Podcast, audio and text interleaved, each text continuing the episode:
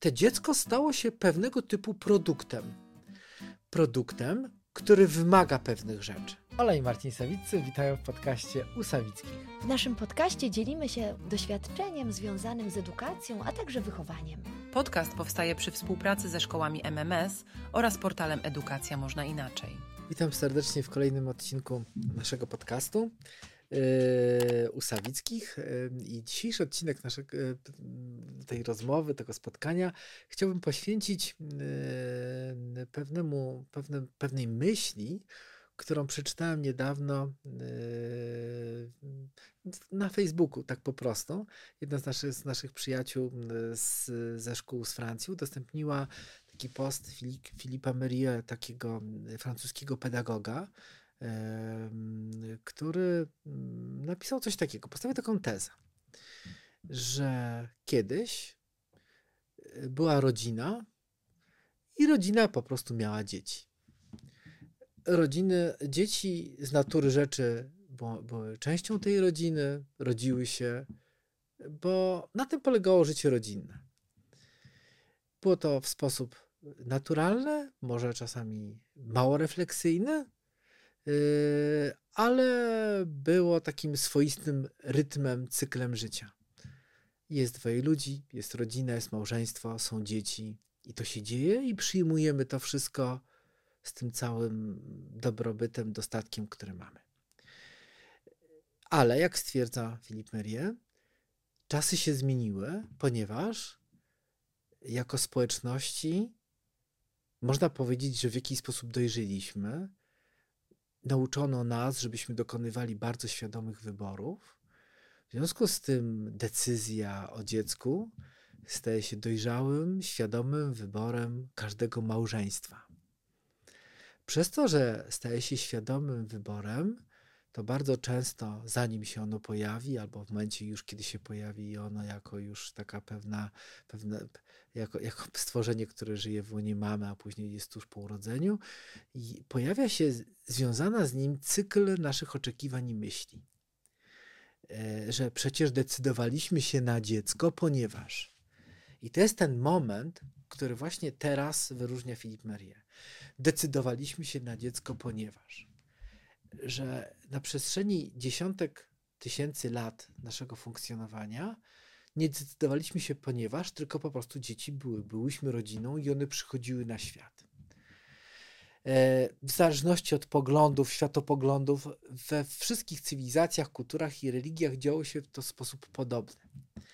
Teraz dzieje się to w sposób z racji, traktujemy to jako pewien, pe, pewną zdobycz cywilizacyjno-kulturową. Dzieje, to się w, dzieje się to w pełni świadomie, e, w pełni odpowiedzialnie, ale też z, z naszymi dziećmi zaczynają się pojawiać bardzo konkretne oczekiwania, świadomości zobowiązań, Yy, poczucie tego, że jeżeli już mam, to coś powinno wyglądać tak, tak, a nie inaczej. I Filip Merie stwierdza tutaj, że pojawiło się coś w rodzaju takiej mentalności konsumpcyjnej. Te dziecko stało się pewnego typu produktem. Produktem, który wymaga pewnych rzeczy. Wymaga pewnych rzeczy, żeby dobrze funkcjonowa funkcjonowało, żeby było obsłużone, a żeby, i żeby doprowadzić je do jakiegoś efektu końcowego, który wygląda tak, a nie inaczej.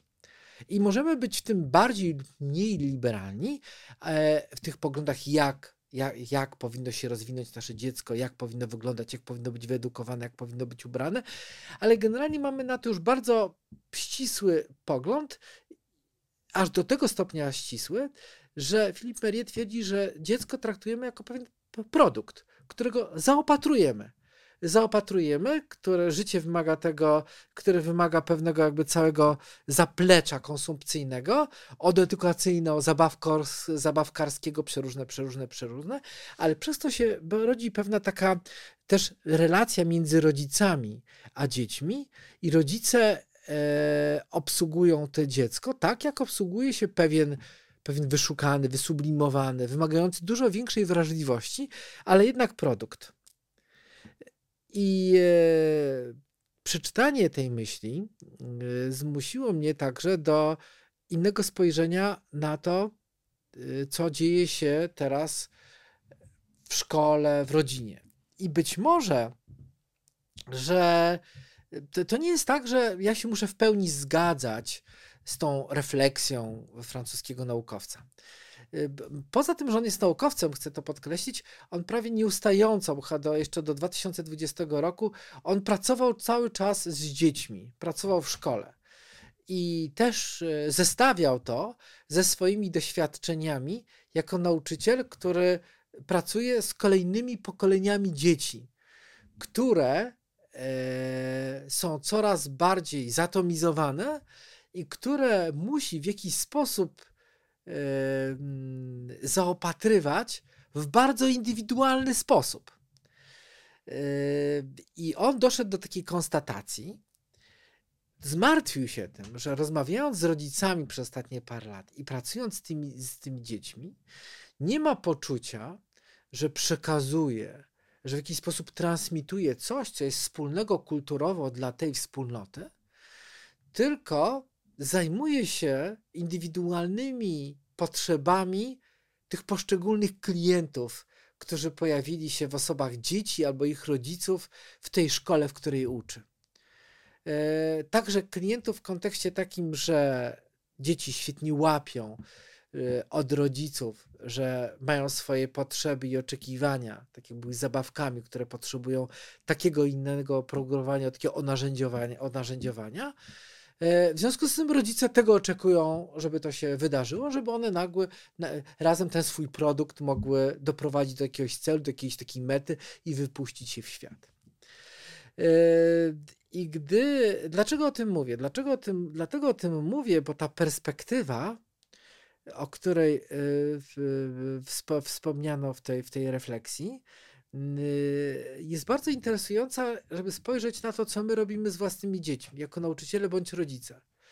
Y, on posuwa się aż do takiej konkluzji, mówiąc o tym, że on się martwi o, o naszą wspólnotowość, bo mówi, że jeżeli my w jakiejś mierze jesteśmy rodzicami, którzy realizujemy swoje oczekiwania względem tego, jak powinny wyglądać zakupione przez nas bardzo kosztowne, wrażliwe zabawki, jakie są naszymi dziećmi, których mamy je bardzo świadomie na własne życzenie, to jak będzie wyglądał ten świat w kontekście wspólnoty, jeżeli, y, jeżeli w żaden sposób my, nie ma czegoś takiego, jest takie jakby rozproszenie w tej szkole oczekiwań, rozproszenie, jakby wielki nacisk na te indywidua e, nasze, że on mówi, że martwi się o naszą przyszłą społeczność i wspólnotowość, jak będziemy współpracowali, jeżeli widzę to, co widzę w szkole.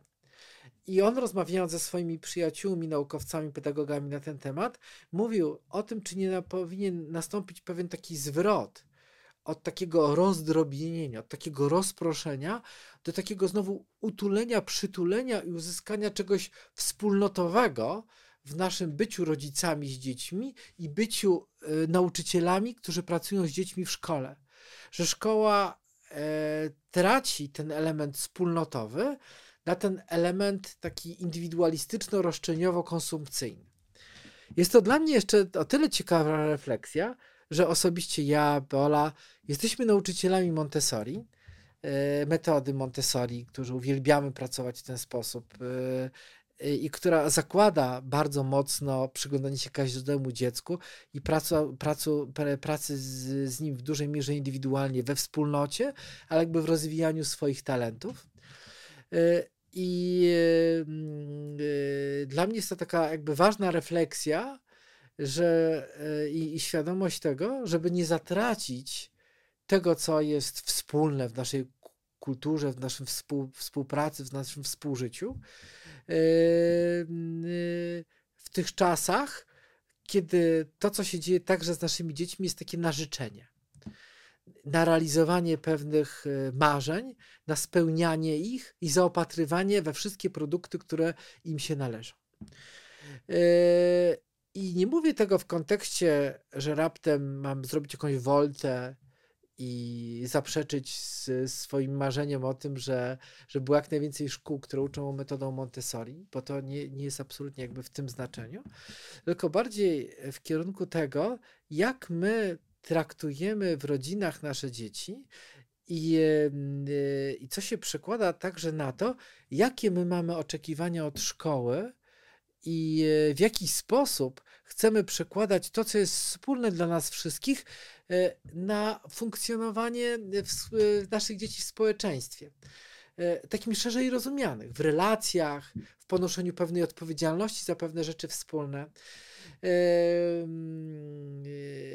A, a tym, co co spowodowało to, że chciałem o tym powiedzieć, to było to, że rzeczy, które dzieją się, które on opisywał o swoich uczniach w szkole, które świadczyłyby o tym, że te dzieci mają być bardziej zaopatrywane, a nie, a nie, żeby, a nie, nie są osobami, gdzie, gdzie podążamy za ich talentami, za ich rozwojem, tylko zaopatrujemy ich za tym, co powinni dostać w znaczeniu czy to rodziców, czy to już w swoim przekonaniu, bo duża część dzieci przychodzi z takim nastawieniem należy mi się. Jestem i sam fakt, że jestem, jestem tutaj, należy mi się. Jestem tu u pana, u pani w szkole e, i to powinienem otrzymać. Dzieci to świetnie kupują i odczytują zarówno od rodziców, jak i od tej rzeczywistości, która jest dookoła. I czy to nie powinno być takim sygnałem do, y, do, do takiej refleksji i zastanawiania się, czy to nie jest tak jak mówimy, bo mówimy o wielu rzeczach nowych, nie wiem o tym, jak smartfony mają wpływ na to, jak funkcjonujemy, jak mają wpływ komputery, a być może w zupełnie nieświadomy sposób zmienia się nasz rodzicielski sposób myślenia o naszych dzieciach. Bo w większości my, tu w naszym kręgu cywilizacyjnym, żyjemy właśnie w sytuacji, kiedy w dużej części są dzieci, które przychodzą na świat w sposób bardzo świadomy, bardzo oczekiwany, bardzo przemyślany, z całym planem, z całym zamysłem. Ee, i e, przez tą swoją, i jednocześnie w takiej kulturze takiego dostatku, kulturze, kiedy wszystko ma być na czas, ma być dostarczone i w zasadzie wszystko jest dostępne, czy y, jest taka obawa, żebyśmy nie, nie zgubili y, tego, co w tej naszej relacji, edukacji wydaje się najcenniejsze, żeby tak jak my jesteśmy, przynajmniej ja jestem przekonany do tego, mówię my czasami w kontekście Oli, z którą tu często rozmawiamy, że jednak rozwijamy się po to, że funkcjonujemy tutaj, y, żeby nie zrealizować siebie dla siebie, tylko żeby odkryć wszystko to, co jest nam dane, aby tym się podzielić ze światem, ze społecznością, ze wspólnotą, z rodziną, współmałżonkiem, ale także ze społecznością, w której żyjemy. I to jest takie pytanie, czy te czasy, takie bardzo świadome, bardzo takie dobrze e, zaopiekowane, otoczone terapeutami, wsparciem, mimo też i czasami trudne, e, ale, ale generalnie nie powodują, że ta choroba, y, ten konsumpcjonizm plus ten indywidualizm nieprawdopodobny mm, nie spowodują, że zatracimy coś, co w naszych kulturach wypracowane przez setki czy tysiące lat y, było bardzo cenne, choć czasami bardzo słabo sobie uświadamiane. I czy nie przez to, że nasze dzieci są zbyt, może czasami, jakby to powiedzieć, zaplanowane może zabrakuje, brakuje nam czasami tej odrobiny ryzyka, szaleństwa, zdania się na to, co życie przyniosło yy, i zmierzenia się z tym. I przez to, że wszystko chcemy mieć tak pod kontrolą, łącznie z naszym życiem i naszymi dziećmi, yy, to staje się coś coraz bardziej plastikowe i przypomina rzeczy i produkty, a nie dzieci, relacje i rodzinę. Z tym chciałem siebie i Państwa zostawić. Zobaczymy. Może kogoś z nas to wszystkich jakoś to czegoś zainspiruje. Dziękuję bardzo i do zobaczenia. Bardzo dziękujemy Państwu za wysłuchanie naszego odcinka i zachęcamy do pozostawienia komentarzy i podejmowania dyskusji. Podcast powstaje przy współpracy ze szkołami MMS oraz portalem Edukacja Można Inaczej.